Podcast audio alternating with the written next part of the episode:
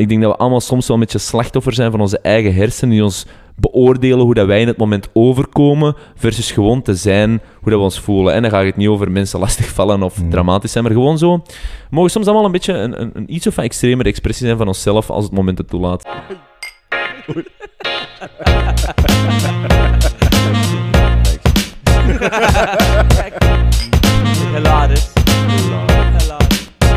Welkom bij een nieuwe aflevering van Discours met de Boys. Hey, we zitten hey. vandaag al aan aflevering 33 begot.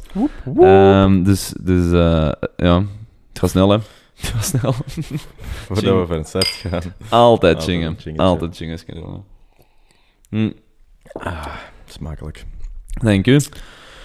Goed. Ik heb, hier, ja, ik heb hier gisteravond eh, een, een, een YouTube-videootje gezien. Ja. Noemt Happiness van eh, Steven Katz. Het is zo wel een beetje een animatie. Het is een short film, een, eh een animatievideo van vier minuten. En het, het weerspiegelt heel mooi zo de hedendaagse, hedendaagse maatschappij. Ik heb het er net laten zien. Hm. Dus het zijn allemaal zo eh, ratten die eigenlijk beginnen te lopen. En dan zo alles, alles wordt verkocht als happiness. Dus alle bedrijven die verkopen, in principe, eh, effectief, het is ook zo, geluk op korte termijn. Dat is wat dat iedereen verkoopt. Hè. Allee, B2C business is korte geluk kopen op, eh, geluk kopen op korte termijn, sorry. Eh, en eigenlijk is dat wel zot. En belangrijk om even bij stil te staan, want dat neemt zo hard uw visie op geluk op lange termijn ook weg. En daarmee begin je ook af te vragen, want we hebben het er ook al gehad in de ehm, vorige episodes Mhm. van eh, wat is het doel van het leven. Bij mij, dat was toen, de aflevering met Hm. bij mij, Pieter Jan, was dat toen geluk. Jij zei toen iets anders. Maar dan beginnen meer en meer de vraag, vraag te stellen als je zo'n video ziet, gelijk die happiness, van misschien is happiness toch niet het doel. Een belangrijke. Ehm, goh, daar, mij, poef, ja. Ja. podcast gevuld. Ehm, nee, maar ehm, ja, ik denk, denk Pittig filmpje, en je het laten zien. Ik, echt, echt een keigoed. Je moet inderdaad mij zien tikken. Hoe noemde het? Happiness van? Happiness van eh, Steven Katz. Ja, en ehm, echt een heel mooie metafoor voor eh, de letterlijke en figuurlijke red race.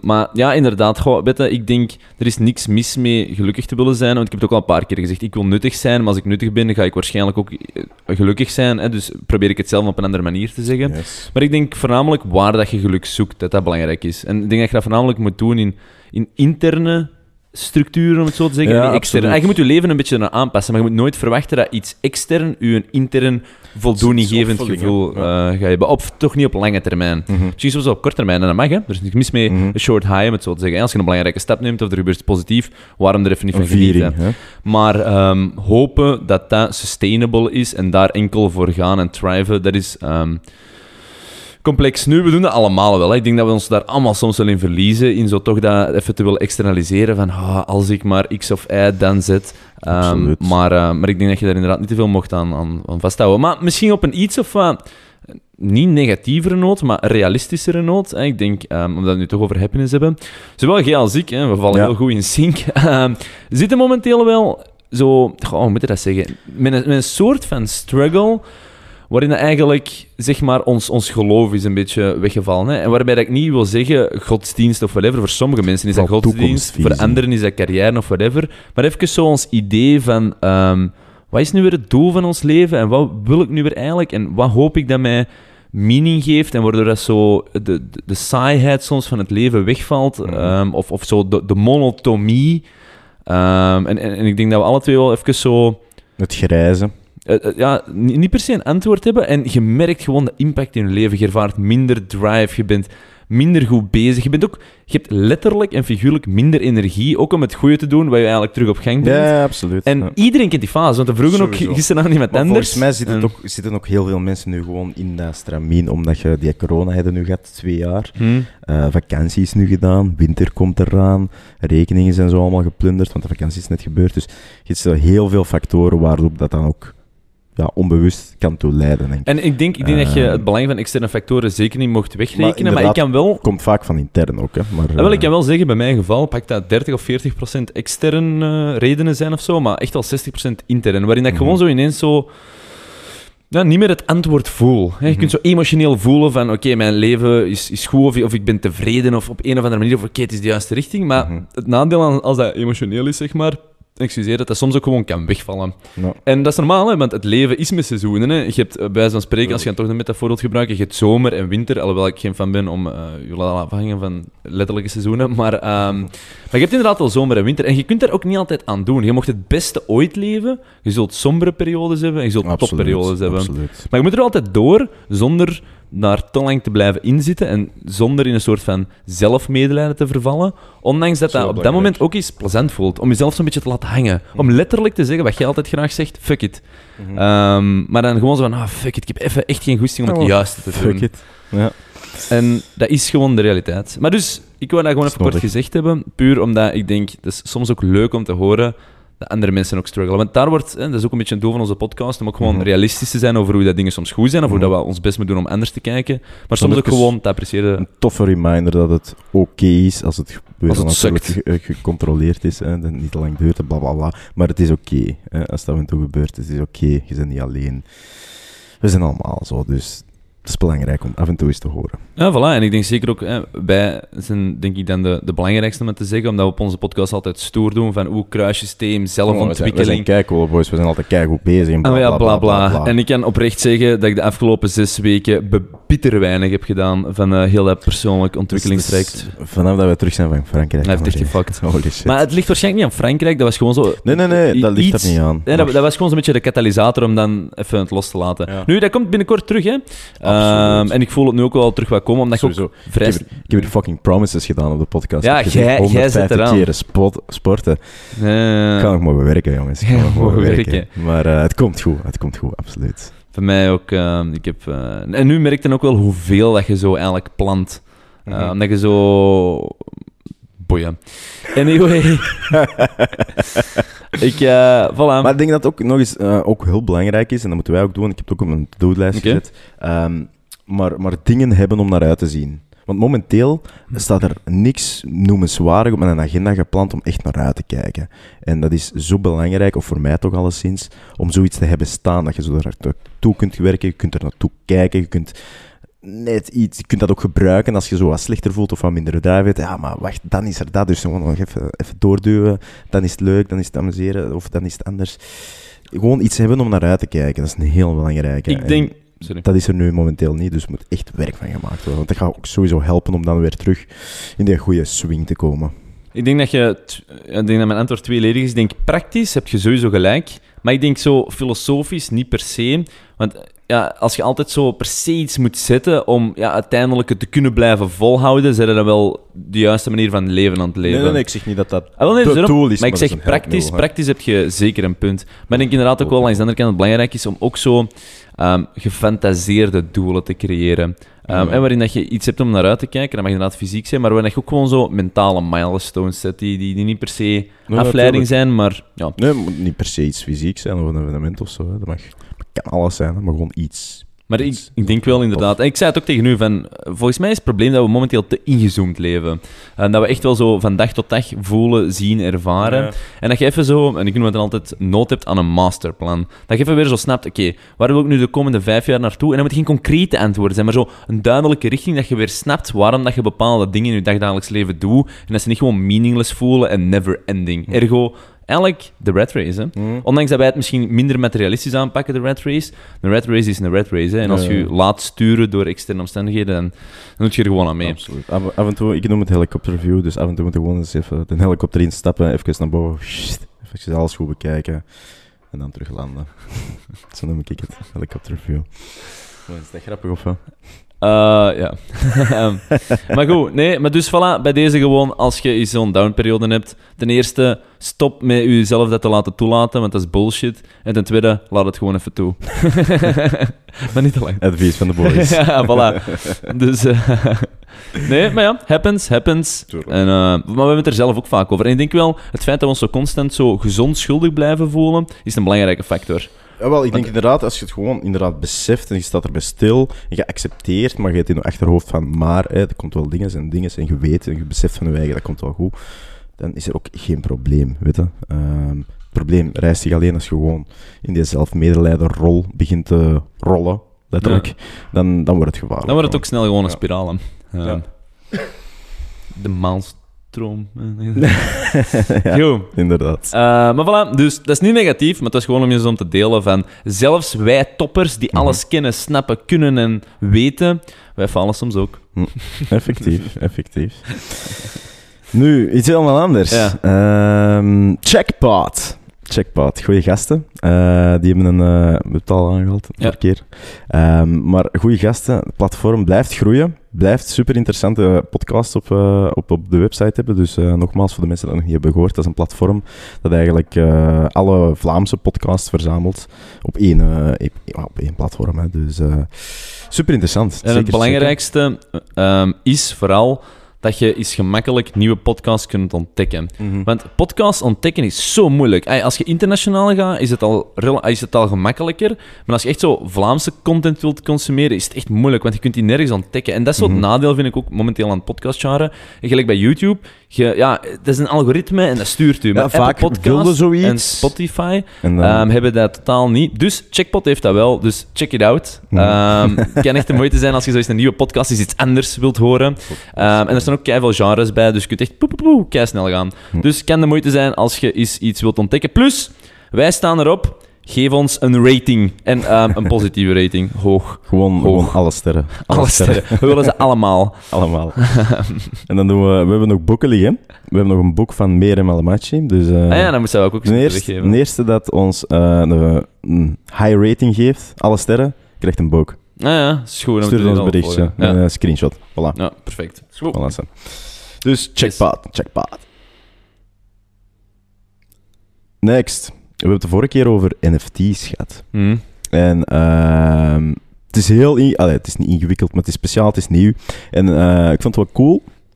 Nu is er ehm, ten eerste smiley dat bestond. Dus je kunt ineens een smiley inbeelden. Ehm, dus niet degene dat je op je iPhone hebt staan, niet degene dat op Facebook waren, of MSN vroeger. Niet de die, Geen allemaal niet. graphical interface. Gewoon dubbelpunt, koppelteken, haakje.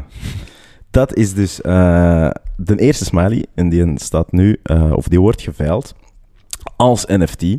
Eh startbedrag is 1000 euro. Momenteel staat hem al op 11k, dus nog maar juist online.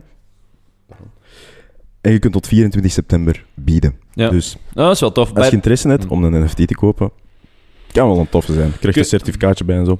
Super legit. Ik weet nog niet wat dat de beste investering is. Maar over NFT's kort gesproken. ehm, je kunt zeggen wat je wilt, maar dan deze is fucking goed in trendspotting. Nu, helaas heb ik te Oh, weinig kapitaal om de juiste dingen te kunnen doen. Ehm, want je verliest altijd keiveel aan gas. Ik ga je de tijd besparen of ga naar de vorige Boris Only aflevering. Ehm, maar ik ben er fucking goed in. Dus Ja, je hebt het laten zien, hè. Ja, ja. letterlijk. Eh Amory... ehm, Behalve mijn er- eerste aankoop van die dat bananen. twee weken geleden is, dan is ze er zo ineens over begonnen. Of drie weken max. Ja, ja. Hè. Ze zijn er ineens over begonnen. Ja, die NFT's en dat. Ik ben me wel in te verdiepen. Ehm, en dan zo, ja, ik heb er een gezien. Ja, ik ga er een kopen. Die bananen, die heb ik niet top gedaan, denk nee, ik. nee, nee, nee, Maar dan zit je verder gaan verdiepen. En dan heb je er drie op een rij gezet. En die drie, die kosten dan wat, 100, 200, 300 Ja. euro in aankoop, zoiets. Exact, ja. Eh, en je zei, ja, die gaan boemen, want ik heb research gedaan, Twitter, eh, communities, alles gecheckt. en nu is de floor price, ja, echt het maal tienen of zo, Ja, voor, de, eh, voor de kleinste. Nee, inderdaad. Hè, dus de floor Dus- price is gewoon waarvoor de, wat de goedkoopste gaat. En ik denk de, de, de zwakste raket was maal 4 of maal 5. En de beste maal eh 20. Dat is geen Ja. slecht een ROI, Op, op twee weken nog maar. Hè. Dus je moet nu eigenlijk, als je echt een goede gast bent, ROI dan houden die 20. een jaar bij, want dan stijgen die echt in waarde. En nu is het Mhm. maar zo nog even een hype stijg. Maar. Mhm. maar dus ja, ik ben er kei goed in. Dus ik zou eigenlijk gewoon eens wat meer kapitaal er moeten insteken. En gewoon echt gaan. En eh, ja, je wint some, je lose some. Hè, want dan uiteindelijk ga ik er ook een paar verliezen. Maar wel tof. Dus als je geld slim wilt investeren, bel Discord met de boys. Eh, nee, maar, eh, maar wel, wel eh, ja, want ik wou eigenlijk gewoon zeggen van, ik verschot er eigenlijk van dat ik er een paar keer op stond. Ehm, Beleggen is met risico's. Steeds slim beleggen. iets heel anders over NFT's gesproken in de digitale wereld. Ik heb ehm, vorige week een documentaire gezien over een, drugsdealer en dat was super interessant. Dus dat was eigenlijk een Duitse gast. Ehm, de documentaire was ook in het Duits. Mhm. En die was 18, 19. En dat is een computernerd. Ehm, en ehm, dat was eigenlijk in een tijd... met- Computernerd dan een Ja. drugsdealer was. ja, ja, ik ga het direct vertellen. Oké. Eh, ja, echt nice. Ah, sounds promising. En dat is rond 2012, 2014, als wat ik nu zeg. Mhm. En ehm, die, die, dus was gewoon zo wat, ja, in, die vond dat wel leuk om zo eens wat dingen te hacken en zo. Dus echt zo, echt heel, heel hard erin, dingen goed snappen. En op een bepaald moment zei een kameraad van eh, hem van, hey, je moet eens checken. ah, hoe noem je dat nou weer? Silk Road. Ik weet niet, voor de mensen die het niet kennen, dat was eigenlijk, want dat is nu neergehaald, de Amazon van de dark web. Je kon er alles kopen van drugs en dan zo gezegd, ehm, dat heb ik nog nooit gezien. Silk Road? Ja, Silk Road. Ehm, waarbij dat je dan bijvoorbeeld ook zo gezegd ehm, moorden kon kopen. Hij kon er echt alles kopen Alles. wat illegaal was. En wapens en bla bla. Ehm, anyway, dat is op een bepaald moment offline gegaan. Maar het, in het verhaal en was dat nog online. En dus die gast die was zo gaan kijken en zegt van... Oh, je kunt er echt alles kopen. Maar die keek ernaar en die zegt van... Maar dat sukt. Dit is hij puur van het customer service gegeven. Is dus echt niet goed. Je kunt geen reviews achterlaten. Je weet niet van wie of waar het dat komt en zo. Mhm. Dus hij zegt, nee, ik ga dat beter doen. Dus "Hup, ik ga gewoon zelf een website maken. Gewoon een .com website, hè, dus dat je niet eens via de dark web moet eh, benaderen. Hè. Dat is niet slim. Voor de dark web shit te verkopen, wel. Eh, ja, voilà. Hè, dus ehm, ja, nee, gewoon, hij ging enkel drugs gaan. Hij ging, eh, het is een Ah, drugsdealer. ja, ja. ja. dat is niet slim, hè. Eh, nee. Nee, nee, kei slim. Ehm, dus die is daarmee begonnen. Ehm, die heeft dat, ja, dus again, dat was echt een computer, ja, super slimme gast. Dus die heeft alles zo kunnen encrypten met verschillende servers en dit en dat. Dat ja, ze die eigenlijk nooit hebben kunnen vinden. Eh, maar uiteindelijk zijn ze wel gevonden natuurlijk. Ehm, dus die is dat, heeft dat gewoon Ze konden het nooit vinden, maar het is wel gevonden. Ah, wel, maar dus niet door het internet. Mm. Ehm, maar dus heel interessant, dus die begon daarmee, dus die had het zo klaarstaan. En dan had hij zo met een paar mensen ook gesproken en hij zegt, allee, laat weten dat mijn website bestaat. Krijgt zo'n bestellingsje binnen en hij zo, oh fuck, wat moet ik nu doen? Dus ja, dan heeft hij zomaar wat, wat was het, 10 gram coke besteld en 25 gram MDMA. Dat was echt zo het eerste. Mhm. En die begon er dan zo met te prutsen en dan kreeg je gewoon zo'n blok, dat is blijkbaar zo'n klomp. En die begon er zo ja, met zijn mes en die zegt, oh, dat is keihard, hoe moet ik dat nu gaan Hij shippen? had, hij had dat zelf eerst besteld op de dark Ja, web dan, ja. om dan te resellen. Ehm, en, ehm, dus echt gewoon zo beginnen, want hij wou eigenlijk helemaal geen drugsdeal. Hij was echt gewoon puur van, ik ken dit beter. Dat was echt, dus hij, hij had helemaal niet het gevoel van, ah, ik ga illegaal zijn. Nee, hij was gewoon van, oké, ik ken dat beter. Dus echt zo beginnen prutsen in zijn slaapkamer bij zijn ouders. Ehm, dus daar, hè. Dus uiteindelijk, ik, ik ga het niet te lang houden, een jaar aan een stuk gedaan. Uiteindelijk heeft hij 4, 5 miljoen euro eh, omzet gedraaid, of, of winst. Ehm, die heeft in totaal meer dan een ton drugs verhandeld. Vanuit die slaapkamer. Die ouders hebben dat nooit geweten. En die slaapkamer is echt relatief klein. Hè? Ehm, ja, en is uiteindelijk gepakt eigenlijk om de andere mensen waarmee hij ja, ook nodig had voor zijn netwerk van shipping ehm, te regelen, was hij gepakt. Maar hij shipte zelfs dus gewoon via de gewone post. Hè. Gelijk hier in een B-post ging dat gewoon steken. Dus die- dat waren eigenlijk die zijn couriers. Dat was fenomenaal graaf geregeld. Nu, uiteindelijk, eh, is hij gepakt. Maar het coolste van al, ik heb even een kleine berekening gedaan. Hij werd enkel ook in bitcoin betaald. Um, eh, untraceable. Hij heeft toch in de meeste gevallen. En ik heb berekend, als die... Hij heeft natuurlijk het meeste moeten terugbetalen, maar ze weten niet volledig, heeft hij nu nog geld of niet. Mhm. Maar als hij al die bitcoins had eh, kunnen behouden, en hij had Mhm. nooit meer verkocht, Hoe, lang is geleden de film of de gebeurtenis? 2012, 2014, Oké, oh ja. ehm, dan had hij vandaag 750 miljoen euro. Holy shit. Gewoon omdat hij toen alles in bitcoin kreeg. Crazy. Ehm, maar je moet die documentaire echt eens zien. Het noemde How to Sell Drugs Fast Online. Ehm, en ja, de drugssite en zijn bijnaam was ook Shiny Flakes. Ehm, en dat was echt wel, blijkbaar echt een heel groot ding geweest. Maar echt super cool. En die gast zelf speelt ook mee in de documentaire. Dus de, de drugsdealer zelf. Ja. Hij was juist uit jail. Ja. Ehm, hij heeft vijf of zes jaar gezeten. Maar je merkt wel... Ik kan mensen niet judgen en zeggen dat er iets mis mee is, maar je merkt wel dat hij ehm, een andere soort emotionele beleving heeft van de wereld. Ehm, dan zegt hij zo van de meest vreemde shit of zo. Dingen dat je zegt, en dan lacht hij zo. Echt. Maar die heeft wel een coole uitstraling. Uh, maar ik vond dat wel cool eigenlijk. Gewoon zo'n gast, 19, zegt: Ik kan die website beter maken, joh. En dan ook zo: Ik ga customer service goed. Dus als je mij een mailtje stuurt, ik antwoord, we leveren dat binnen twee dagen. Dus dat was echt gewoon een businessgast. Maar dan op zijn 20, 4, 5 miljoen verhandeld. Um, en ze weten nog steeds niet, heeft hij alle bitcoins teruggegeven. Maar ja, toen was het allemaal peanuts. Denk dat één bitcoin toen 100 euro was. Dus als hij Ja, er nog ja. maar 5 of 100 ergens heeft liggen, Ja, ja, ja. en dan is hij Sowieso. multimiljonair. Hè? Uh, maar dat was een heel interessant documentaire om zo eens te zien hoe hij eigenlijk een snotaap van Ja, ja. 19 ineens bam, boomde. En hoe had Ehm, hem dan marketing gedaan? Uh, ja, pff, mensen vinden dat. Hè. Hm. Er zijn, dat was ook 2012, 2014. Er zijn niet zoveel sites waar je drugs online kunt bestellen. Hè. Kom man. hè. Niet. Zelf als user of zo, dan gaat dat toch niet... Op een .com, drugs bestellen. Mm. Damn. En ehm, hij had zelf... eh, op een bepaald moment wist de politie van... Oké, dat is die website. Weet nog niet waar dat ze zitten en zo. Maar die had met andere... Ja, die had met Cloudflare... Zo stond hij zijn website er ook. Lang verhaal kort. Op een bepaald moment zei de politie... Die website moet online, eh, offline. En Cloudflare zei... Ja, maar we kunnen die niet offline halen. Dus zelfs als de politie dat wist... En ze wou die offline halen... Dat ging zelfs niet. Dus die bleef gewoon doorgaan. Dat is eigenlijk echt... Ja, dat is een heel cool, vreemd verhaal. Natuurlijk, eh, ik bedoel, ik ga geen drugsgebruik of drugsdealing natuurlijk eh, goedkeuren. Maar los daarvan, gewoon het verhaal aan zich is wel eh, ja, interessant. En ook gewoon, hoe kun je als 19-jarige ineens zo ja, super intellectueel zijn? Want als je zo documentaire ziet hoe dat hij dat helemaal heeft georganiseerd, echt, echt, echt doordacht. Uh, dus ik weet niet wat dat hij nu gaat doen, maar dat is echt wel een super slimme gast. Als je die in een bedrijf kunt hebben voor cybersecurity, dan heb je gewonnen. Absoluut. ja, gewoon een of andere webshop lanceren en klaar. hè. Ja, maar Je je moet per se drugs zijn, hè. Nee, nee, nee, ja, voilà. Dat is echt sunt eigenlijk dat hem dat heeft gedaan.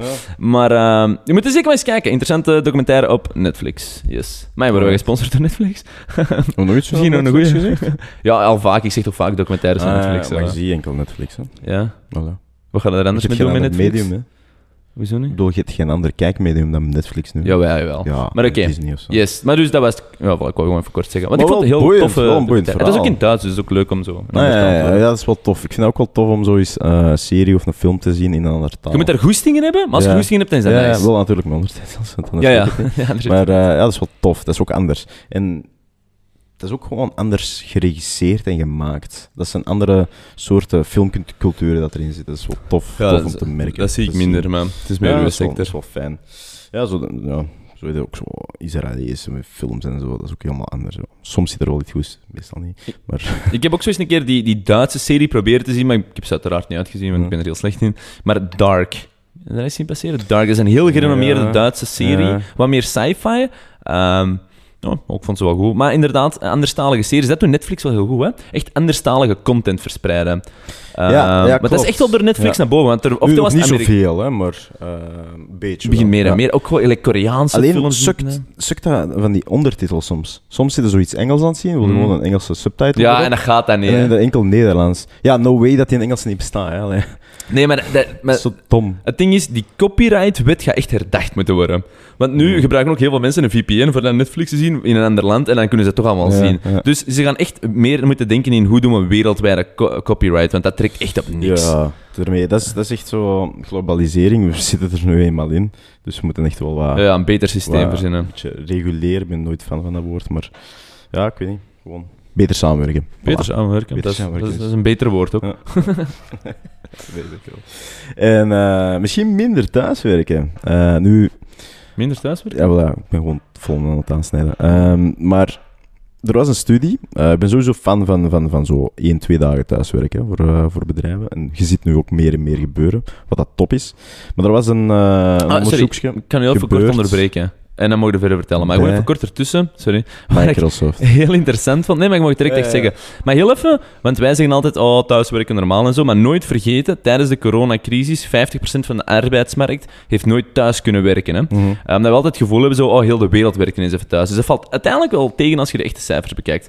Dus ik vond het even interessant. Ja, want- waar dat kan, kan het en waar dat ja, maar ik denk dat veel mensen denken dat iedereen even verplicht thuis moet werken. Maar ik denk dat we ook vaak onderschatten als we ehm, ja, geen fysieke job doen, om het zo te zeggen. Of, of eh, niet, niks met industrie, et cetera. Dat, ja, ja, ik wou het gewoon even zeggen, omdat ik denk, veel mensen in hun wereldbeeld, waaronder dat van mij, was echt wel fout. Dus ik dacht dat veel meer mensen thuis werkten dan dat. Kon je makkelijk daarna zeggen. Maar. Yes, ga verder. Dus er was een Sorry. onderzoek van, eh, bij Microsoft gebeurd. En het eh, voordeel daar is omdat ze bij Microsoft al heel veel data hebben en samenwerkingsdata, omdat ze allemaal op hetzelfde systeem en zo werken. En ook heel veel thuiswerk al deden voor de corona, hebben ze eigenlijk eh, de resultaten van die studie ook een beetje los kunnen trekken van de corona, wat dat wel een goed beeld geeft. Maar er kwamen eigenlijk drie belangrijke dingen, dingen uit. Eén daarvan was dat, dat door thuiswerk eh, de werknemers meer in kleinere groepjes gaan samenwerken en dat die groepjes met elkaar niet zo goed samenwerken. Dus dat was, dat was feit één dat eruit kwam, dat eigenlijk niet zo goed is, Eh, want dat, dat gaat de innovatie een beetje tegen. Stond in het artikel. Langs de andere kant, ik denk inderdaad, in kleine groepjes werken is goed en gezond. Mhm. Maar het is wel belangrijk inderdaad, net die, die ehm, intergroepjes communicatie. Ja, ja, ja. Dus uit tussen alle groepjes, Maar dat faciliteert Ja. net inderdaad wel innovatie. Dus. Maar dat ontbrak. Dus eh, tweede ding dat eruit komt is... ehm, uw eigen netwerk ehm, krijgt te weinig zuurstof. Dat wil eigenlijk zeggen dat er te weinig passage is. Je blijft eigenlijk constant met dezelfde mensen werken. Er komen geen nieuwe mensen bij. Je houdt te hard vast aan de mensen dat je al hebt. Waardoor er geen nieuwe zuurstof komt. Stelsel van je lichaam heeft gewoon nieuwe zuurstof nodig. Dus ook niet zo goed. Uh, derde... Ja, in, in plaats van een... want we spreken vaak inderdaad over een internetbubbel. Mhm. Maar dan beginnen mensen nu inderdaad ook een soort van persoonlijke bubbel te ervaren. Omdat ze inderdaad nog minder nieuwe mensen leren kennen, want er een minder spontane interactie is. En blijven ze eigenlijk nog meer met dezelfde mensen rondhangen. Mm -hmm. Waar je eigenlijk twee keer in een informatiebubbel zit. Zowel al online als met je mensen. Dus er is super prone to confirmation bias. En eigenlijk echt dan niet meer het totaalplaatje van de wereld te zien. Dus dat is echt wel gevaarlijk eigenlijk ook. Uh, maar je moet er niet dramatisch bekijken, nee, nee, maar, dat klopt, echt wel Het is wel slim dat ze even een onderzoek doen. Dat toch uh, volledig thuiswerken ook niet het antwoord is natuurlijk. Het derde dat eruit kwam was uh, dat er ehm, meer asynchrone communicatie is dan synchrone communicatie. Dat wil dus eigenlijk zeggen, een synchrone communicatie is dat je eigenlijk um, ja, synchroon op hetzelfde topic aan het werken zijn. Bijvoorbeeld gebeld. gebeld. Bellen is een synchrone communicatie, omdat je dan een gesprek hebt en je hebt het over... Je hebt dan live interactie. Voilà, live interactie. Je hebt het uh, op dezelfde moment op, over hetzelfde onderwerp. Asynchrone communicatie betekent dan dat je eigenlijk op een ander moment op datzelfde zit te werken. Bijvoorbeeld, je stuurt een mailtje, de ander behandelt dat een uur of twee uur of een dag later. Of een chatbericht of dat of dat. Dus mensen gaan minder bellen, maar meer chatten of meer mailen mm. en asynchrone communicatie doen. En dat is eigenlijk ook soms goed, maar Meestal niet. En wat is het gevolg daarvan, weet je? Even, weet je wat dat daar negatief... Ah, ik kan wel snappen dat net als je al je breinen samenbrengt en op hetzelfde moment rond een soortgelijk topic werkt, dat er veel creatievere mhm. ideeën en concepten naar boven komen. Mm -hmm. Maar langs de andere kant soms ook uitzoomen en rust nemen. Weet je, dit is waarschijnlijk... Het probleem is weer dat het naar het één extreem gaat. Hè? Mhm. Er is waarschijnlijk ruimte voor beide soorten communicatie, maar... Um, ik kan wel snappen dat dat aan creativiteit en ook weer in functie van innovatie heel hard snoeit, want zo mm. raakt er nooit ergens. Omdat je altijd zo moet hervetten. En wij noemen dat vaak, hoe noemden we dat weer? Contextueel denken, denk ik. Um, maar in context, en je merkt dat wel, als je zoiets moet doen en je komt zo uit een heel ander taak, dan moet je even zo, oh, ik moet er even mijn mind mm. switchen. Maar als je zo er even in blijft, dan merk je wel hoeveel dieper dat je kunt gaan op een bepaald topic. Dus kijk me wel inbeelden. Maar het is ook gewoon... Het ding met die het verschil tussen synchroon en asynchrone mm. communicatie, bijvoorbeeld bij bellen, kun je daar emotie in leggen, kun je, dat is veel, veel ja, rijker, zal ik zeggen, die communicatie versus een mail en zo. Dus daarom ook, dat andere is goed voor informatieoverdracht. Daar stop het. Dat mm. andere is goed voor, voor dingen te simuleren. Dus. Mm. Vanaf nu, je wilt eigenlijk zeggen, stop met chatten, vanaf nu allemaal filmpjes naar elkaar sturen. Filmpjes, voice messages, uh, bellen. Net als een mopje. Maar ik ben er wel fan van. Ah, wij doen dat ook, hè. we doen ook altijd voice message. Ja, maar wij doen dat niet... Wij doen dat uit twee dingen. Eén, luiheid. Want tippen is verminder geworden. Bill Gates is degene dat ooit heeft gezegd, toevallig Microsoft, van um, if I want a problem slow, solved, I will uh, hire a lazy person because he uh, will uh, think of the smartest way to do it. Ja, sowieso. Dus. En, en ik denk, het anderzijds, sowieso, hoe vaak dat je context ontbreekt via sms. Nu, wij mm. kennen al, elkaar al lang genoeg dat we de context er altijd bij snappen. Mhm. Maar ik merk dat zo vaak als je via mail of via context mm. sarcastisch wilt zijn, hè, wat mijn soort uh, communicatiestijl is. Als je elkaar niet goed genoeg kent, komt dat heel vreemd over. Ik heb echt al een paar keer zo dat mensen me echt niet snapten en dan gaan zeggen: ah, oei, ja, nee, dat is zo bedoeld. En dan, ga dat is zo verschrikkelijk, man. Uh, dat, is, dat is echt. Maar ja, je moet dat doen bij wie dat je kunt. niet bij vreemden of bij eerste. Nee, maar ik ben dat altijd. dat is een beetje mijn probleem. Ik, ik, probeer altijd zo wat te schikken. Eh, read the room-stijl. Ik probeer altijd wel een beetje te snappen okay, welke sfeer is hier gaande. Maar één ding kan ik nooit loslaten, en dat is sarcasme. Ja. dat is echt insta. Dat is vaak een van de eerste vijf zinnen dat ik zeg, zijn er minstens drie sarcastisch. ik ben ineens benieuwd hoe dat eigenlijk is ontstaan. Welk? Dat, dat, eerste, dat een eerste contact altijd formeel is. En een tweede, derde, vierde keer altijd minder en minder formeel gaat. Waarom is dat eerst, hoe is dat ontstaan, een formeel contact? Uh, ik denk niet dat dat ooit is ontstaan, ik denk dat dat altijd al was. Omdat, omdat wij als mens... Uh, ik kijk bijvoorbeeld naar mezelf. Hè. Ik, ben, um, ik heb nogmaals een extraverte communicatiestijl, maar ik ben een mhm. vrij een introvert. En ik ben ook wel eerst zo... Um, hoe, hoe zeg je dat weer? Tip your toe in the water stijl. Mm -hmm. gewoon heel even voelen. Je wilt ook zo... Uh, ja, ah, het klinkt allemaal natuurlijk en logisch hoor, maar... Ik denk niet dat dat zozeer met werk te maken heeft of een professionele hmm. context. Daar is dat wel nog eens drie keer harder in. Dat, wel. Ehm, maar maar ja, ik, ik, vind dat heel normaal. Ik vind dat ook gezond. Ik haat mensen. En met haat bedoel ik gewoon minder leuk vinden, extreem minder leuk vinden. Dat Insta te formeel zijn. Die Insta zo meest hey, matje van een dier. Ah, dat haat ik sowieso. Ten eerste raak ik mij niet aan, dat vind ik al verschrikkelijk. Ten tweede doe niet te informeel. Maar ten derde, die ook zo heel snel zo over hun heel persoonlijke dingen beginnen. Ja, oh, Snap je wat ik ja, bedoel? Ik vind dat heel vreemd. Ik vind dat heel vreemd. Ineens verhalen gewoon. beginnen afsteken van, ik heb hier niet om gevraagd. Ja, ah, wel, zo dat. En, en ik vind, dus daarom, ik vind altijd fan van laten we gewoon even professioneel zijn en dan van daaruit gaan we wat testen en wat voelen en evolueert dat. Dus uiteindelijk is dat een gezond spel, noem ik dat. Ja, Hmm. absoluut. Ehm, maar, maar dus, ik, ben- ik ben fan, dus ik ben, ik ben de persoon die de status quo op dat niveau gaat behouden. Eh, maar ik snap wel wat je bedoelt, hoor. Ja. Maar ik, Hey, soms is er nood aan, soms niet. Ik denk- ik zo. denk- ik denk soms is het overbodig, Nee. maar meestal is het nodig. Ik denk, ik denk, ik denk... eh, nee, ik denk wel dat dat kan komen vanuit een meer inherent principe in ons brein, waarin dat we uiteindelijk altijd een soort van alertheid ervaren en waarin we ook een soort van vijandigheid hebben. Mm. Ehm, en waarin dat waarschijnlijk is van, jij bent een vreemde, ergo, hè, je hoort niet bij mijn groepje van wat ik veilig Mhm. ervaar. Dus eerst even zoiets zien van, wie zeg jij voor ik laat zien wie dat ik ben. Mm. Ik denk dat het zo heel onderbewust in ons heel primaire brein Ja. zit, en vandaar dat het zo aftast. Ja, gewoon een beetje aftoetsen. Van, is er, denk dat dat maakt veiligheid match, ook. waar is de onmatch?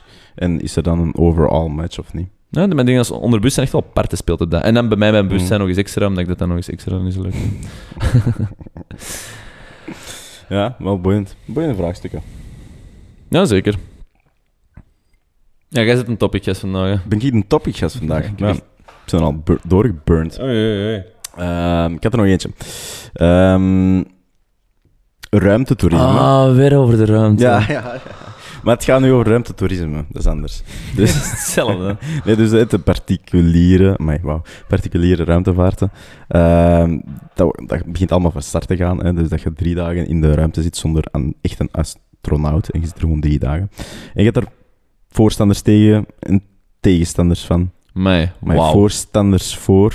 Maar geschreven hebben dat. Je voor- en mensen- tegenstanders, yes. Ga verder. Shit.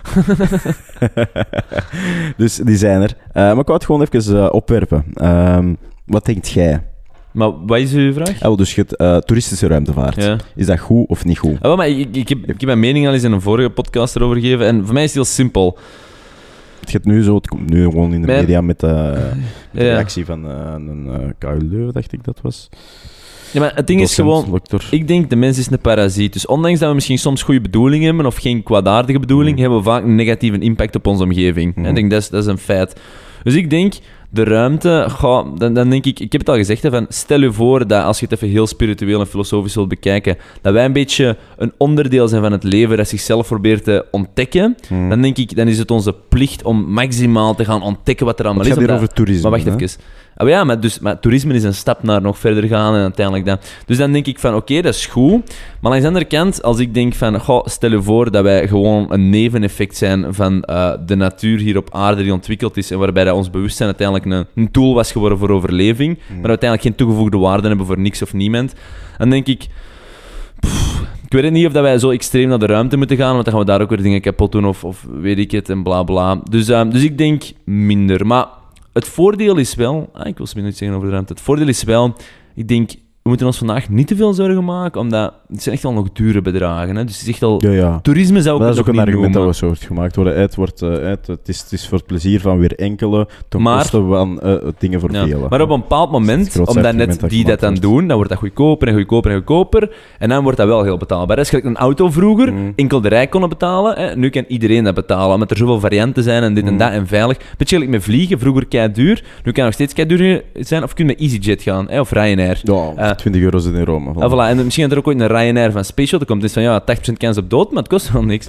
dus, maar ik denk, goh, weet je, we gaan inderdaad waarschijnlijk weer meer negatieve effecten hebben. Maar ik snap het wel. Want als ze mij morgen vragen, yo, even eens gaan kijken in de ruimte, dan zeg ik wel ja. Ehm, maar ik wou zeggen, Hmm. uit, wat wil jij erover zeggen? Nee, ik wou gewoon het even opwerken mijn mening. Eh, zelf heb ik ook zoiets van, ja, je kunt ook over alles zagen. Weet je, het is, het is super revolutionair. Zeker omdat nu ja, naar, het, naar het normale publiek wordt getrokken. Je moet Mm. geen astronaut meer zijn. Dus dat is, dat is astronaut, sorry. Maar, oh, wat is dat vandaag? Eh, ehm, dus dat, is, dat vind ik wel cool, weet je? Omdat je weer Mm. al progress ziet en progress maakt. En oké, ja, je Ja, dan sowieso. argumenten natuurlijk, hè, van zoveel vervuiling en shit en rotzooi en bla bla bla voor, voor, de, voor de velen. Eh, voor dan het plezier van de happy few. Ja, nee, je moet het ook wel eens een beetje progress zien, denk ik, in humankind. Voilà. Oh ja, nee, nee, maar zo is het, zo is het ah, wel daarom. Dus allee, het is gewoon dat ik het ervaar, is zo de, de meningen dat erop worden gesmeten, is zo misschien alleen niet uit een bewuste jaloezie, maar misschien uit een onbewuste jaloezie, I don't know. Van, ah, het zijn enkel weer de rijken. Ja, oké, je kunt zelf ook eh, je, leden, je leven wijden aan rijk te worden, zodat je het ook kunt doen, whatever. Eh, of, of dan het tegenhouden, whatever. Maar gewoon zagen om te zagen vind ik maar stom. Mm, mm, sowieso. Je Ja, kunt niet, over alles mening hebben. niet alles moet een topic Nu- zijn. Wat, wat ik interessant vind, omdat we het nu even over ruimte hebben, maar dan wil ik er echt integraal mee stoppen, want pff, ik heb het toch gehad met de ruimte, maar bon. Ik heb ook een astronaut uitgenodigd voor onze podcast. Hè. Hij heeft momenteel nog nee gezegd, maar misschien gaat hij binnenkort ja zeggen. Goed, dat terzijde. Cool. Dat is echt nice, hè. kunnen echt leuke dingen vragen. Hij is ook effectief in de ruimte geweest, hè. dus dat is belangrijk. Ehm, maar dus, wat ik wou zeggen is, ik heb over laatst een, excuseer, een artikel gelezen over een samenwerking tussen NASA en ESA. ESA is de Europese variant van Ja. NASA. Die samenwerken.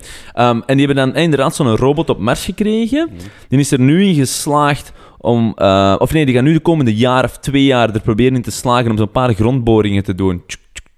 En dat eigenlijk eh, terug naar aarde te brengen. Fascinerend hoe dat ze dat gaan doen. Want dat robotje gaat dat dan zelf naar de ruimte schieten. En dan komt een ander soort van robotje af dat dat gaat opvangen. En die komt dan terug naar de ruimte. Nee, sorry, naar de aarde. Jeff Bezos, Prime, zo. Ja, maar dit is allemaal Komt geautomatiseerd. En wat, wat ik straf vind, is... Ze zijn dit nu aan het organiseren en dit gaat echt ehm, revolutionair worden. Iedereen in, in die wereld is super enthousiast van... Wauw, knap. Ehm, maar... Als je gewoon even alles optelt, gaat dat materiaal, dus gewoon die grondboringen, eh, grondboring, niet Mhm. dramatisch bekijken, dat is gewoon, zzz, ehm, komt pas binnen 5 à 10 jaar op aarde.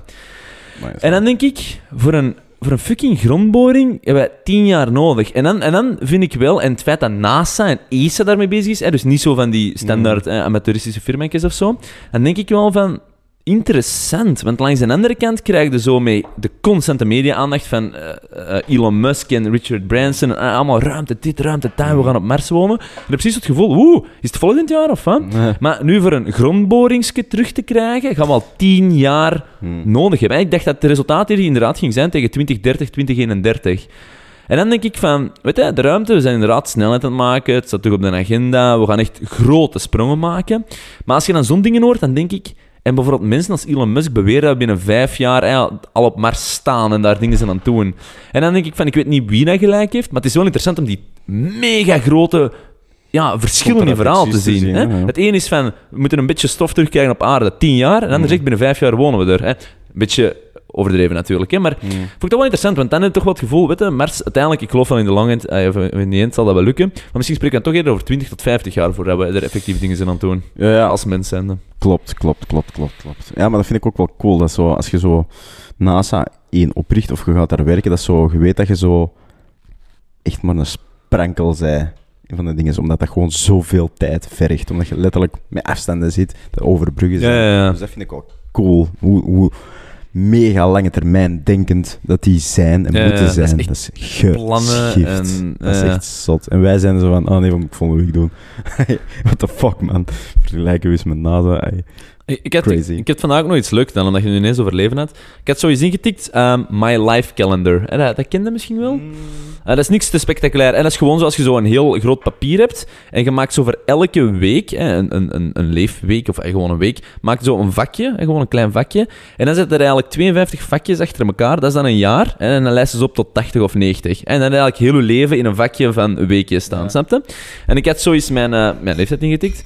En eh, oké, het, het, het viel nog een beetje mee. Eh, want ik zag zo, oké, ik heb nog een derde het tot 90 ging. Dus zo. Hmm. Ehm, maar ik me wel eens inbeelden, je moet dat toch eens intikken. Want als je dat zo bekijkt ineens, en je ziet eigenlijk zo je leven zo heel objectief, gewoon zo heel overzichtelijk, hè? gewoon zo in één oogopslag. En dan denk je van, poef, is toch al, is toch wel een, heel grote blok ingekleurd, Ja. inderdaad. Ja. Ja, nee, ah, ik, krijg er altijd wel, ik krijg er geen stress van, maar ik, ik ben wel zo de persoon die denkt zo, oh, ik moet iets doen met mijn leven. En dan voelt altijd wel zo wat time pressure en dan denkt oei, wat heb ik eigenlijk gedaan? Hè, Want in mijn hoofd is altijd wel van, oeh, we gaan van alles doen, maar de Hmm. realiteit is soms wat teleurstellender dan dat. Hm. Ja, het is misschien een kleine 30, maar hoeveel ervan zijn bewust? Dan is het misschien maar een kleine 10. Dus Ja, maar, uiteindelijk ook maar zomaar. Word ik 90? Maar dat Allee, bedoel, er zijn heel veel mensen die denken, ik ga morgen absoluut, opstaan en ineens bam. Ja, of zelfs geld zitten met een helft, dat kan ook. Ja, of gewoon nog een jaar te gaan. Kan ook. Hey, ik vind altijd zo zot, hè, we hebben het daar over gehad, hè, maar dat iedereen denkt altijd, eh, mij overkomt dat niet. Maakt niet uit over waar het gaat, hè, over kanker, ja, dat Mhm. komt mij overkomt mij misschien maar aan binnen zoveel jaar, of oh, ik ga dat Mhm. nooit hebben, of ah, iedereen stapt ook gewoon in zijn auto, ik ga naar het werk. Maar iedereen stapt elke dag, of de meeste mensen, en worden elke dag zo wakker, en dan is plots gebeurt er iets, hè. Mhm. En dan is het ineens gedaan, hè. Ja, ja. En ik vind het zo angstaanjagend dat je zo constant, eigenlijk iedereen een beetje, en dat is ook noodzakelijk, maar toch voor morgen leeft, maar dat je morgen zo ontnomen kan worden. Klopt. En, en je denkt Ja, dat, dat jij het niet zei, wanneer dat jij het balans, zei. hè. Dat Zo belangrijk, gezonde Mm. balans tussen nu en morgen. Dat is geschift. Ik zei... Toen mij, er, Mm. toen mij er ineens aan denken, eh, ik ga geen naam noemen of zo, maar eh, ik was overlaatst van de week, ehm, kwam ik iemand tegen en eh, die vertelde mij een verhaal van, ja, eh, ik ben, ben nu terug bezig met wat ik aan het doen ben. Ik kan dus niet zeggen wat, hè. maar, ehm, maar ehm, ja, het is vrij recent, want in 2018 was ik nog door de, de dokters afgeschreven als, ja, je gaat echt 2018 niet meer halen. Eh, ik dacht dat het kanker was. Ehm, en er is geen, geen remedie, er is geen oplossing, er is niks. Ehm, en dan is hij zelf in medische onderzoeken gaan duiden, publicaties, en dan zoiets gevonden aan de andere kant van de wereld in Harvard. Studie gedaan met die therapie, Mhm. zou het wel lukken. Eh, dan terug naar de dokters gegaan hier in België. Te zeggen van ja, kijk, zo en zo wel. Ja, maar dat wordt niet ge- gecoverd door de verzekering. Ja, oké, maar anders ben ik dood, dus laten we het gewoon fucking doen. Heb het gedaan, heeft keihard gewerkt, is er helemaal bovenop. Dus fucking cool. Dat is toch geschift. Letterlijk, je gaat de dokter en zegt nee, je gaat dood binnen een jaar. Dan moet het zelf gaan oplossen en nu heb je gewoon de, terug de rest van je leven. Maar als je niet eens kunt vertrouwen op de expertise van experts in een land, in België, wat dat een van de meest ontwikkelde altijd- medische eh, Wordt dat landen hoog aangeschreven, zeggen ze. En dan zo, zo van die situaties, dat vind ik toch zotse maat. Dus het ligt echt, de verantwoordelijkheid ligt zo hard bij jezelf gewoon. Het is, het is, elke keer als je zoiets hoort, heb je zo'n tikkeltje minder vertrouwen in de experts. Want dat is ook wat dat jij zei over laatst tegen mij, van... De meerderheid van mensen die in een rol zitten, zijn prutsers. Ja, nee, niet prutsen, maar ze amateurs. Of amateurs, zijn, ja. zijn, en dat bedoel ik nooit grof, hè, want wij horen daar ook bij. Ik heb het er ook Maar ik gezegd, wou, ik wou vooral even het, Ja. het respect uiten naar die, naar die vrouw in kwestie. Dat was een fucking prachtige vrouw. Oh ja, maar ik denk dat... eh, daarom, ik zei het toen ook, ik vind dat, ik vind dat Alles in orde. bangelijk. Dat is in orde. Oké, er is keihard whisky gesmost. Toch even een servetje pakken. Nee, maar ik, ja, maar nee, maar ik vind dat, ik vind dat wel bangelijk langs de ene kant, want dan heb je toch zoiets van, zie wat een beetje moeite ehm, ja, allemaal kan doen. En uiteindelijk moeten inbeelden, iemand die waarschijnlijk jaren al kankertherapie doet en mensen tegenkomt met kanker en dat probeert op te lossen. En dan iemand die zegt, fuck it, Google, en die wint dan tussen aanhalingstekens. Hè. Die heeft dan het antwoord, terwijl de anderen het niet opgelost kregen. En dat is wel het knappe, vind ik, aan heel de informatie, of heel het informatietijdperk van vandaag. Maar langs de andere kant, ik denk dat dat ook soms een bewijs is van dat zelfs experts in die end mensen zijn. En die, die persoon dacht waarschijnlijk, en dat is helemaal geen slecht ding, hè, want je moet ook een beetje efficiënt zijn. Want hè, voor haar leven was, hè, was dat van, oeh, levensveranderend. Maar voor een dokter was dat waarschijnlijk, oké, patiënt 1001. En dat bedoel ik niet dat hij niet meer naar mensen keek, maar net zoiets van, er zijn mensen die we wel nog kunnen redden, dus ik moet even daar ook... Dus het probleem Ja, is, klopt. iedereen is altijd een mens. En zijn van die heel belangrij- bla- belangrijke beroepen, daar denk ik echt wel dat AI meer en meer kan gaan helpen. Ze hebben bijvoorbeeld ook zo'n recent een test gedaan voor longkanker te ontdekken. Allemaal x-rays getrokken, dacht ik, maar pak me er niet op.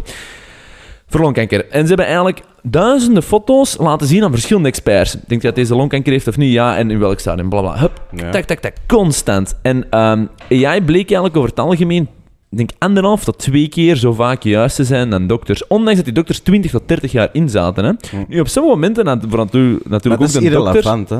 Nee, nee, nee, wacht. Bij AI is irrelevant, dat is gewoon aantal data. Ah, ja. Ah, wel, maar soms zijn de dokters het natuurlijk ook, want ja, die snappen nog steeds veel meer context. Tuurlijk, tuurlijk. Maar ik wil maar zeggen, het zou nice zijn, en dat vind ik echt al een mega voordeel aan technologie, dat we eigenlijk experts en, en mensen meer en meer kunnen doen helpen door technologie. Dat die eigenlijk zeggen van, let hier eens op en tak, tak, tak. Mhm. En dat dan eigenlijk de mens de toegevoegde waarde kan leveren door enerzijds contextueel ermee om te gaan en anderzijds een menselijke interactie te kunnen waarborgen. En ik denk ik denk dat daar dokters meer en meer naartoe gaan, om echt contextueel te kunnen snappen, oké, wat moeten we doen hier, check, check, check. Echt zo'n soort van ja, ehm, ontdekker worden, maar anderzijds er ook voor kunnen zorgen dat ze hun patiënten helpen. Mhm. Ehm, en ik denk, eh, dat is ook vaak kritiek dat op de zorg gegeven wordt, waarin dat, eh, iedereen zo ja, voort moet. Het is echt voortmagje. Mhm.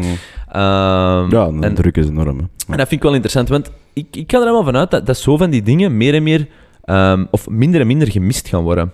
Ehm, en bijvoorbeeld iemand die zegt, ik denk wel dat er een oplossing is, dat de dokter zegt, ja, nee, is niet waar, en dan zelf gaan googlen en het zelf doorhebben. Mhm. Ik hoop dat technologie eigenlijk die experts meer en meer kan helpen om nog meer expert te worden. Mhm. Ehm, want de menselijke factor is zo belangrijk, want nooit onderschatten, stel je hebt morgen een tumor aan je hersenen, en uw chirurg heeft net ervoor, want dat is ook een mens, slecht geslapen, ruzie gehad met de partner, ehm, en echt gewoon een verschrikkelijke nachtrust, moe, en met zo volgens ons allemaal, hè. En die moet aan hun hersenen werken.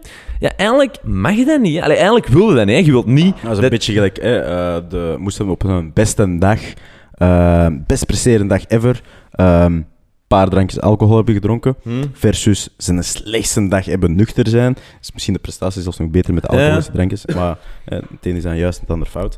Maar nee, ik snap je En daarom voor die beroepen ben ik echt zo'n harde fan van technologie. Dat is zo'n essentie. Omdat we gaan zoveel, me- mens- eh, zoveel meer mensen op zo'n positieve manier kunnen helpen. Mhm. Ehm, maar, wat jij zegt, cool hè. Ik, hey, het ding is, ik hoor Supercool. vaak van die verhalen. Nu, dat is natuurlijk een anekdote, want er zijn heel veel mensen die waarschijnlijk hebben ondernomen wat eh, de persoon waarover jij het hebt eh, ook. Maar die verhalen horen niet, want die zijn gewoon gestorven. En dat is niet om grof te zijn. Hè. Mhm. Dus het ding is, je denkt altijd van, oeh, ik hoor kei veel van die verhalen. Mhm. Maar dat is een beetje survivorship bias. Sowieso, Ehm, een verhaal van, hey, ik was ten dode opgeschreven, ik heb het opgezocht en ze hadden gelijk. dat, doet Ja. de ronde, dat doet de ronde niet, hè. Voilà. dus, Dus, ehm, maar, maar het is wel inderdaad interessant. En daarom, ik denk, ehm, dat is echt wel technologieën die gaan zoveel meer kunnen samenbrengen en voorstellen. En dan gaan mensen terug een menselijke rol kunnen opnemen in het leven. Want nu moeten we allemaal is. robottaken eigenlijk vaak doen. Hè? Maar we gaan eerst die fase nog ingaan, dat we zo eh, de depressie door de, eh, het gebrek aan menselijke interactie, hebben we eigenlijk nu. Eh, Dat we nu- die fase, erin zitten, ja. we zitten er net in, en, maar die moet nog helemaal uitrollen tot dat zo desastreus wordt. En dan zo het besef van, ah, de menselijke interactie is echt wel een, een prioriteit of echt een nood. En dan gaan ze dat terug omvormen en dan gaat die symbiose komen. Maar eerst gaan we die fase in dat alles tech wordt eh, en mensen vergeten worden. Ja, nu wordt alles zo data en wij- zijn de cijfers. Mhm. En dat is dan ook weer het tegenovergestelde. Nu, heel interessant. Mensen zijn wel angstig van technologie hoor. Want ik zeg wel, oh, laat hè, technologie helpen. Maar langs de andere kant, en er is zo'n heel ding bezig rond Tesla. En niet het over Tesla te hebben, maar dat is Zelfs eigenlijk... Elon Musk le- zegt letterlijk, ik heb er schrik van. Ja, ja, maar ehm, ik wil even een andere richting op gaan. En dat is van... Stel, je helpt inderdaad AI eh, rond heel dat geneeskunde geven. Hè, en je laat Mhm. AI helpen.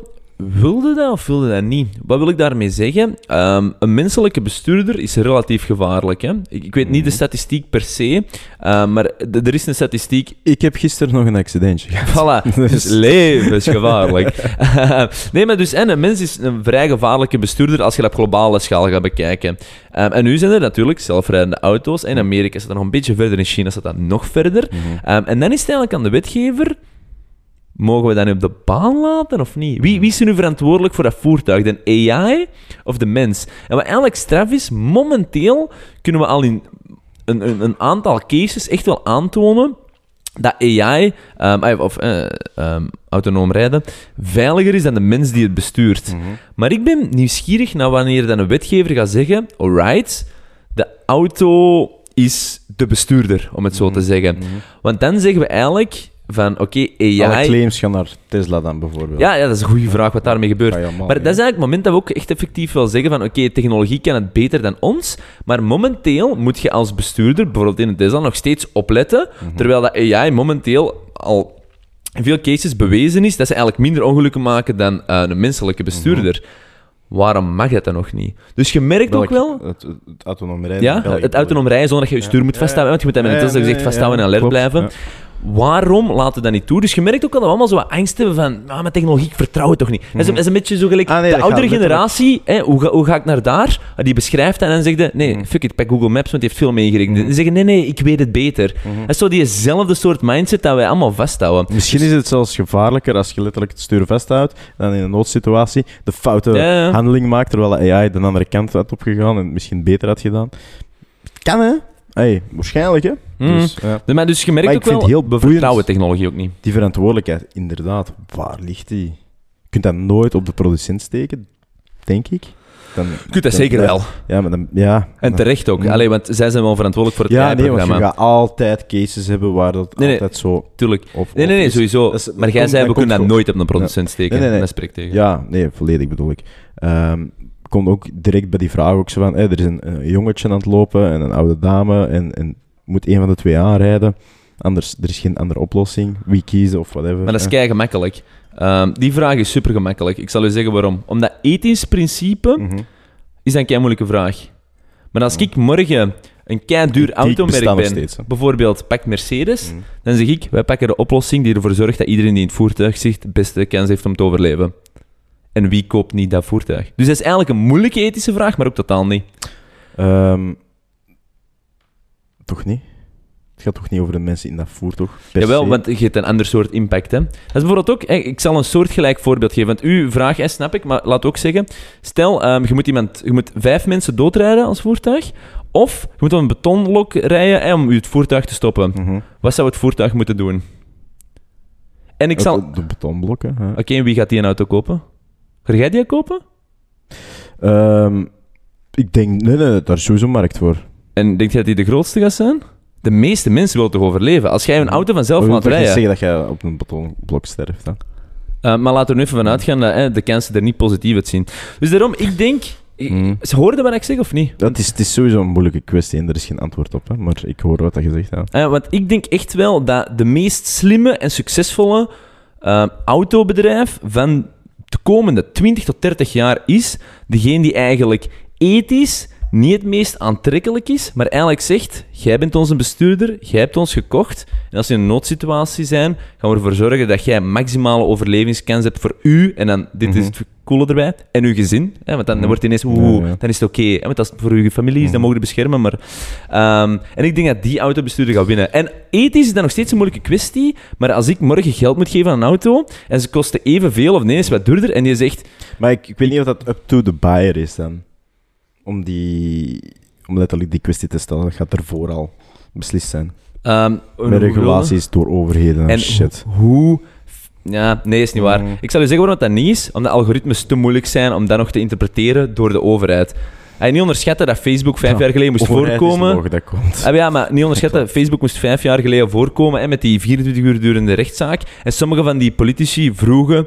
Wat is eigenlijk het businessmodel van Facebook? Mm. Wat is dat eigenlijk? Mm. Dus als die mensen Ja, AI en algoritmes gaan moeten decoderen om te snappen hoe dat die redeneren, wat we vaak al niet meer Mm. kunnen, Maar is ook een dan is verloren. Dus, probleem, hè, ja. Ja. dus ik denk. Ehm, dat eigenlijk ehm, de, de meer... Ja, dus ik denk, voor autonoom rijden gaan we in een heel moeilijk parcours komen. Want dan denk ik allemaal, oeh, ethisch verantwoord. En met dat jongetje en Ja. een oude dame, ga jij beslissen wie's leven meer te redden is of niet? Want je ziet aan coronavirus dat oude mensen heel belangrijk zijn. hè, Want anders worden er ook Eh, ah, wel, ja, Het is erom. Het is erom. Maar ik denk, als commercieel bedrijf is het fucking eenvoudig. Degene die ons voertuig koopt, heeft meest een overlevingskans en fuck de rest. Ah, ja, En zo gaan ze hè, niet naar buiten brengen, hè? Nee, maar het is volledig het, het, het- ja, het kapitalistische goed, hè, sowieso. Slimme, hè. Het slimme marketingsysteem. En, eh, en dat wordt Absoluut. interessant, want als elke autobestuurder zo denkt, dan heb je echt een probleem. Want dan wordt het echt gewoon Battle of the Cars. Die letterlijk allemaal op elkaar crashen. ja, maar laten we in theorie maar- denken hè, dat het allemaal veilig gebeurt dan. Hè. Ja. Maar, maar wel, daarom, die ethische vragen zijn superbelangrijk. Mm. Niet omdat ik denk van, oeh, wat is het juiste antwoord, omdat dat is super complex, maar gewoon, C- hoe gaan we daar praktisch mee omgaan als maatschappij? C, als alles autonoom rijdt, maar echt alles, dan kan het ook alleen maar liggen aan een ehm, overbelasting van het circuit of over een ehm, technische fout in één eh, onderdeeltje van met name een voertuig. Nee, nee, twee dingen. Als alles Nee, nee, eh, wel, nee alles, twee hè. dingen. Nee, twee dingen. Eén, ehm, het leven is te onvoorspelbaar. Er gaan altijd random factoren zijn waar dat niet voorspelbaar is. Er gaat altijd een probleem Ja, een voorkomen. Ehm, en ik denk twee, privacy gaat dat gegeven wat jij zegt nekken. Want dan zou er eigenlijk vanuit gaan dat er één autonoom systeem is dat alle wagens op de, auto, ehm, op de baan weet zijn. En als we daar zijn, dan hebben we ook een heel zwaar privacyprobleem. Dus oftewel, gaat Ah, nee, dat nee, veiliger zijn. En Nee, nee, nee, nee, nee, dat privacy zie ik niet echt, want je hebt sowieso manieren om gewoon van, ik ben een voertuig, en enkel die informatie te delen. Voertuig van dat en dat. Hmm, dat is al goed gegaan in het verleden. Ah nee, Dat is nog nooit ik gelukt wat jij nu ik zegt. zeg niet dat het zo zal zijn, hè, maar ik zeg dat het zo kan zijn. Ja, maar nee, dat is naïef. Dat is utopisch, heb je gelijk. Hmm. Maar in de praktijk Ja, heb je geen ja. gelijk. Misschien. Maar ik snap wel wat je zegt, want ik ben ben van dezelfde overtuiging Ja, als u. Hè? Het is zo. Maar de praktijk gaat dat gewoon niet ja, maar de praktijk sukt. De praktijk is interessant. Vandaag de dag sukt die. Ehm, shit. ja, ik denk... eh, Ja, we zijn toch weer over fucking AI in de ruimte bezig. Hè? Ja, en dan is het gewoon boeiend. Het is gewoon is wel ook de toekomst. Ey, het is af en toe tof om naar het verleden te kijken, maar ey, de toekomst blijft de toekomst. Hè. Het is hetgeen dat eraan komt. Maar, Mooie definitie. het is zo, het is zo. Ja, ja. ja. Dat is wat ik wou zeggen. Nee, ja. nee interessant. Ik heb er niks meer over te zeggen. Eh, maar we kunnen er uren over doorgaan. Ja, we kunnen over blijven doorgaan. Maar eigenlijk, ey, weet je, misschien even heel kort, want ik heb niet echt iets anders te zeggen. Maar het grappige wat ik nog wil aanhalen is van, je het er juist inderdaad over die, die sessie met ehm, Facebook en dan die controlleurs. was letterlijk zo van die vraag van, eh, ja maar hoe, hoe verdienen jullie geld? en dan echt zo die Mark Zuckerberg, Ja. die zwijgt zo, die is in de kop zo, eh, Senator, we run ads. Ja. dat is hilarisch stukje Dat is wel. echt Dat is zo grappig. Maar nu, ik was, ik was ergens verdwaald geraakt in, in een YouTube Loophole. loophole. En die zijn er. Ja, het was het prachtig. En ik kwam echt zo op filmpjes van Mark Zuckerberg. He's- Hij is he's een alien of a alien reptile. of a Mm, reptile. Maar letterlijk, het is wel, het is echt wel. Ik weet niet of dat, ik denk niet dat het bewust is, want als je echt zo de, de, de lichaamstaal leest op die, eh, op die video, denk je dan van. Maar dat is gewoon een kei Maar, introvert. Ehm, letterlijk op een bepaald moment zegt hij zo van... Ja, eh, ja, inderdaad, je gaat boos worden, want je bent een emotioneel persoon, want je bent een mens. En, Ah, ik, ja, ja. en ik was een mens. eh, ik ben een mens. Dat is zo in die school, hè? Ja, ja, ja. dat is zo in een school. Maar ja, dat is Hoe maakt je zo'n verspreking? Ah, ik maak die ook. Ik, Ik- was een mens, ik ben een mens. Ja, Nee, omdat kan, je- hè, maar... Ja, nee, ik snap, ik snap echt hoe dat een verspreking... zo, omdat al die complottheoriekjes er al zijn en dan Exact. dat erop. Het is die context. Bam. Want als Elon Musk dat zei, dan was het van... Hihi, schattig, hij heeft zich versproken maar met hij zegt ook van, something, some people think I'm an alien. Oh ja, voilà. zijn ook wel dingen over, dat die zo letterlijk zo, die ogen, ik heb het al eens gezegd, hè, zo, die Ja, ogen maar- zo precies zoekend zijn naar een antwoord in Het is- hersenen. Kan hè, kan hè. Maar nee. Eh, Ehm, jawel. ik, ik zal zeggen... ehm, maar dat is altijd rete grappig. Ik vind het echt leuk om zo, Mm. zo van die dingen te zien. Omdat dat... ja, in zekere mate is dat gewoon zo'n parodie hè, op dingen. Ehm, en ik vind, ik, vind, ik vind het altijd leuk, omdat dat op de een of andere manier altijd zo als een vorm van sarcasme voelt. Want je weet, dat is niet echt zo. Maar het is leuk om zo die grappige storyline af te testen en zo die dingen uit context te nemen. En dat is grappig. Het is gewoon leuk om te fan- fantaseren over de wereld. What if? What if Mark Zuckerberg was een alien? Maar we hebben zo'n andere interpretatie van dezelfde soort content. Ik vind dat gewoon humor en ironie. En jij denkt, what if? Hm? Dat is, ook een soort vorm van humor en ironie en fantasie, vooral. Fantasie Ja, is een heel belangrijk woord. Fantasie is super belangrijk. Fanta is super belangrijk. Top. Sponsored by. Ja, ik kan je zeggen. Check Daniels en Fanta. Ay, Coca-Cola. Nee, dat gaat geen goede. Het is toch. Nee, nee, maar dat is Coca-Cola Fanta, hè, ja, dus dan kunnen we backhoes maken. Allee, of, eh, Backhouse. Check Daniels Cola. Ja. Nee, ik wou zeggen, ehm, fantasie is super belangrijk. Ik heb, eh, vroeger als kind had ik heel veel fantasie, nu ook nog wel. nog steeds veel fantasie. Klopt. Maar dat is super plezant om te hebben, want dan kun je ook gewoon heel makkelijk gewoon afscheiden van die fucking saaie, grijze, vieze, kapitalistische, communistische, alles doorheen wereld. Je hebt heel veel paradoxen Ja, maar gebruikt. eh, dat is letterlijk de vertaling van de huidige maatschappij. Het zit vol met paradoxen. Maar eh, het is gewoon fijn om fantasie te hebben, want dan kunnen wij een beetje van afsnijden. Wat wel tof is. Het klinkt een beetje schizofreen, maar los daarvan... Ah, ehm, Zou goed ik, eh, maar ik ik volg twee dingen. Eén, hè, de kleurloosheid van het leven. Daar wil ik het misschien eigenlijk volgende keer eens over hebben, want ik heb Mhm. daar heel diep over nagedacht. Mm. Ik echt drie uur zo'n stuk. En, eh, en ik heb er een, een mening over gevormd die heel moeilijk te vertellen is. Dus misschien krijgt jij ze eruit, want ik snap mezelf ook nog niet volledig. Het is zo'n goed. ontdekkingstocht dat we misschien samen kunnen aangaan. Ja. En dan twee, ehm, ik ben wel aan het lachen met jou, want langs de andere kant, voor mij, wat jij noemt fantasie, noem ik zo wat dagdromen. Maar wat ik wel vaak doe, is zo een rooskleurig droombeeld van de toekomst zien. Pakt altijd zo zes tot 24 maanden in de toekomst, Mhm. waarin je zo jezelf ziet, dat niet waar is, maar het is dat dagdromen dat zo ook weer meaning geeft aan je leven nu en een soort van invulling, Mhm. dat je denkt, ah, oké, we gaan daar naartoe. En dat is ook zo'n soort van fantasie. En dat is zo niet fantasie van, oeh, we zijn allemaal elfen, maar dat is wel zo'n fantasie van, wat kan het leven eigenlijk allemaal worden? En, eh, en dat, is, dat is een leuke vraag, een essentiële vraag, want ik denk wel dat je dat, dat soms misschien gefantaseerd optimisme nodig hebt om, terug naar ons begingesprek, die vibe van meaning vol te houden. Want Mm. we weten allemaal, meaning pff, hebben we dat echt ah, waarschijnlijk niet. Maar kunnen we het wel Een- verzinnen en praktisch individu? bijdragen aan de wereld? Sure. Maar dat is weer al een praktische invulling en daar is drive voor nodig. En soms verliezen dat geloof van, heb ik eigenlijk wel impact? Nu, ik en denk daarvoor sowieso dat- kan dagdromen en fantasie wel helpen. elk individu een mening heeft, maar het niveau van verschilt zo hard. Mm, ik denk praktisch heb je weer gelijk, maar weet je, ingezoomd 100% akkoord. Mm. Uitgezoomd no chance. Nee, uit, ja. Akkoord. Ja, ja, voilà. eh, Eh. ja, dan, dan gaat het in de red race zitten van de universe en expand. Maar we beginnen beter en beter te worden. Want vroeger zeiden we, het midden is het antwoord, waar nog steeds klopt. Maar nu beginnen we meer en meer zo contextueel het midden te zoeken. Omdat, en we hebben het al vaak gezegd, soms moet even links, rechts, boven, onder zitten, om dan eigenlijk dynamische balans het midden terug te Mhm. vinden. Nee, maar afhankelijk van je scope. Hey, verandert het antwoord. Hoe bepaalt je een grens zonder erover te gaan? Ik weet niet wat dat ermee heeft te maken, maar ik denk dat ik volg. Dat klopt hoor. Ja, hoe kun je iets ontdekken in een extreem kant eh, om te zeggen dat is fout zonder het letterlijk te gaan ontdekken? Hm, dat is een heel interessante opmerking. Ik wil Ik niet denk, zeggen dat je dat moet aanvaarden. Hè. Ik wil gewoon dat je het moet zien. ik denk dat is een tweeledig antwoord. Eén, je hebt een punt, want ik snap u. We moeten vaak zelf iets ervaren voordat we het kunnen Mhm. geloven of, of, of Ja, niet ons ernaar gedragen. zelfs al zien of in aanmerking komen of, of dichtbij staan. Ah, is- oké, want ik, ik wou het volgende zeggen. En ik wil eigenlijk zeggen, twee, het is wel echt heel belangrijk als mens dat we niet alles zelf moeten doen of ervaren voordat we ervan kunnen Oh. leren, want anders dan gingen we als mensheid heel traag vooruit. Oh. En als ik eerst moet geloven, komt een auto echt hard aan als hij aanrijdt, dan was de mensheid rap gedaan. Nee. Dus Gaat dat, je- dat kunnen we gelukkig overleven. Gaat je echt dood van, van een bijl dat over je nek gaat? Misschien. Dus ja, inderdaad, sowieso. dus Ehm. daarmee dat... eh ja, waarom zelfs lijn? Stof. Eindelijk. It's first. Zullen we eens chingen? Oh, dat is chingen. Ik denk dat we nog... Een vreemd geluid. Ja, dat is omdat jij erop zo, deed. Maar dat was... Dat is zo alle desperados dat je pintje naar boven Mm. spuit. Weet je wat wij eigenlijk goed doen? Kijk, grappig. Eh, misschien even iets anders, omdat je nu over Desperado zit. wij gaan niet vaak naar, eh naar feestjes of zo, hier en daar wel eens. Hmm. Of gewoon naar eh dinges. Maar vaak zijn we wel zo, omdat wij, denk ik, wel zo kijken van, oeh, is er iets leuks te doen? Zo naar openingen van iets. En dat is heel per ongeluk. En met vaak bedoel ik twee keer per jaar, hè, laat dat duidelijk Mhm. zijn. Maar heel vaak tijdens zo'n opening, omdat zo, ja, een iets zo wat populariteit wilt creëren en maken die zo een opening movie van the first day of the first weekend van dat er iets open is. Ja. Maar hoe vaak dat wij in die opening film zitten, dat is Alde. pijnlijk. En er is maar één reden, hè.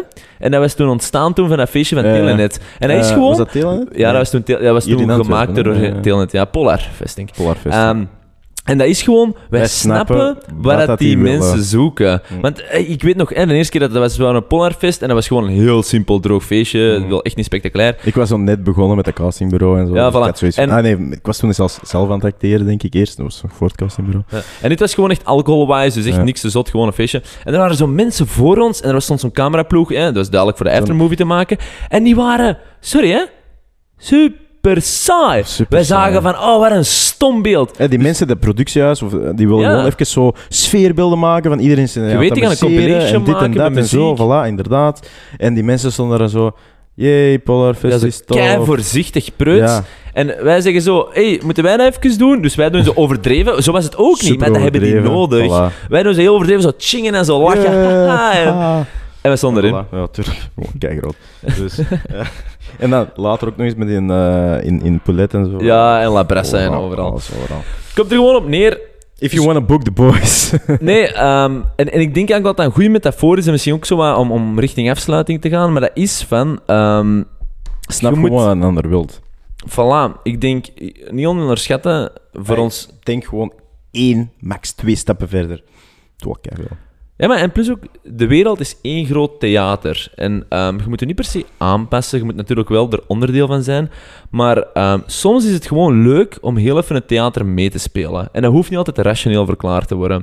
En ik denk dat sommige mensen daar vies van zijn om soms het theater mee te spelen, terwijl daar ook zijn charmes in zitten. En wij zeker, hè, want wij zeggen, ja, wij, wij, wij benadelen constant het theater. hè. hè, want wij zeggen altijd van, hey, voilà. wees niet sheeple, doe niet mee. Maar als je het van het theatervraagstuk ziet, is het soms gewoon echt leuk om mee op te gaan, gewoon in het moment. Super plezant. En ehm, dan is het oké om soms eens een beetje gekker te zijn en niet te veel in je hoofd te zitten van kom ik wel goed over, ah, ben ik wel dit en dat. Dan is het echt gewoon goed van kom, we zijn the allemaal idioten, we zijn allemaal hè, de boys. Ehm, dus laten we gewoon een beetje simpel zijn en eh, gewoon genieten van het moment. Want jij zit er beter in dan mij, maar ehm, ik denk dat we allemaal soms wel een beetje slachtoffer zijn van onze eigen hersenen die ons beoordelen hoe dat wij in het moment overkomen versus gewoon te zijn hoe dat we ons voelen. En dan ga ik het niet over mensen lastigvallen of Mm. dramatisch zijn, maar gewoon zo. We mogen soms allemaal een beetje een, een, een iets of wat extremere expressie zijn van onszelf als het moment het toelaat. Zeker in zo'n omstandigheden. En je merkt dat heel veel mensen toch zo nog heel afstandelijk zijn. Mm. Het is... eigenlijk belangrijk dat je zo voor je eigen zo... Ik heb dat zo met, met iets, dat ik op een feestje zit en ik zie een stroboscoop liep. En ik denk zo altijd zo van, oké, als ik dat... Dat is zo'n herkenningspunt in mijn leven. Van, Mm. Het is altijd zo de, de trigger bij mij om te zeggen Het van, is oké... een echt een heel ra- vreemd Ja, gesprek. ik ben het even aan het- aan het- aan het even- Maar dat is zo de moment zo dat je zo een, een... Want dat gebeurt niet vaak. Het is niet dat je elke dag een stroboscoop in het licht krijgt. Eh, dus ik dat, zijn zo de, dat zijn zo toffe momentjes dat je zo even zo terug... Zo- dat triggert een momentje zo volledig 100% met jezelf. En dat kan van alles zijn. Dat kan een meditatie zijn, dat kan thuis iets zijn, dat kan van alles zijn. Maar ik vind, het wel tof om te hebben. Eh, dus probeer eens. Ehm, maar dan is zo'n momentje dat je zegt zo volledig 100% jezelf zijn. Zo van, haha, we meet again. En dat je zo even zo puur 110% in het nu zij. Dat is fucking prachtig. Ik ga twee dingen zeggen. Onze laatste 5 tot 10 minuten waren vreemd, maar het er eigenlijk over ging, speel soms het theater mee en wees eens lekker uitbundig. En dan twee, ik, ik weet exact... Connect with yourself. En dan twee, ik weet exact waarover dat jij het hebt. En dat is no podcast material. Dat is wel grappig. En dit was het einde. En dit was het de- einde van Discord met de Boys. Leuke aflevering. Fijn dat je er weer bij waart. Volgende week hebben we... ehm, we hebben de aflevering nog niet opgenomen, maar ik denk een heel interessante guest. Wordt super boeiend. Want ja, ik hoop dat we scherp staan. We gaan wel scherp moeten staan. Maar ik denk dat dat een heel toffe gaat worden om uh, even zo eens in de diepte zo nog eens goed te filosoferen. Zonder doel, maar gewoon puur om de vraag echt open te breken. Uh, dus lekker vaag. See you next week. Ciao boys. Joejoe.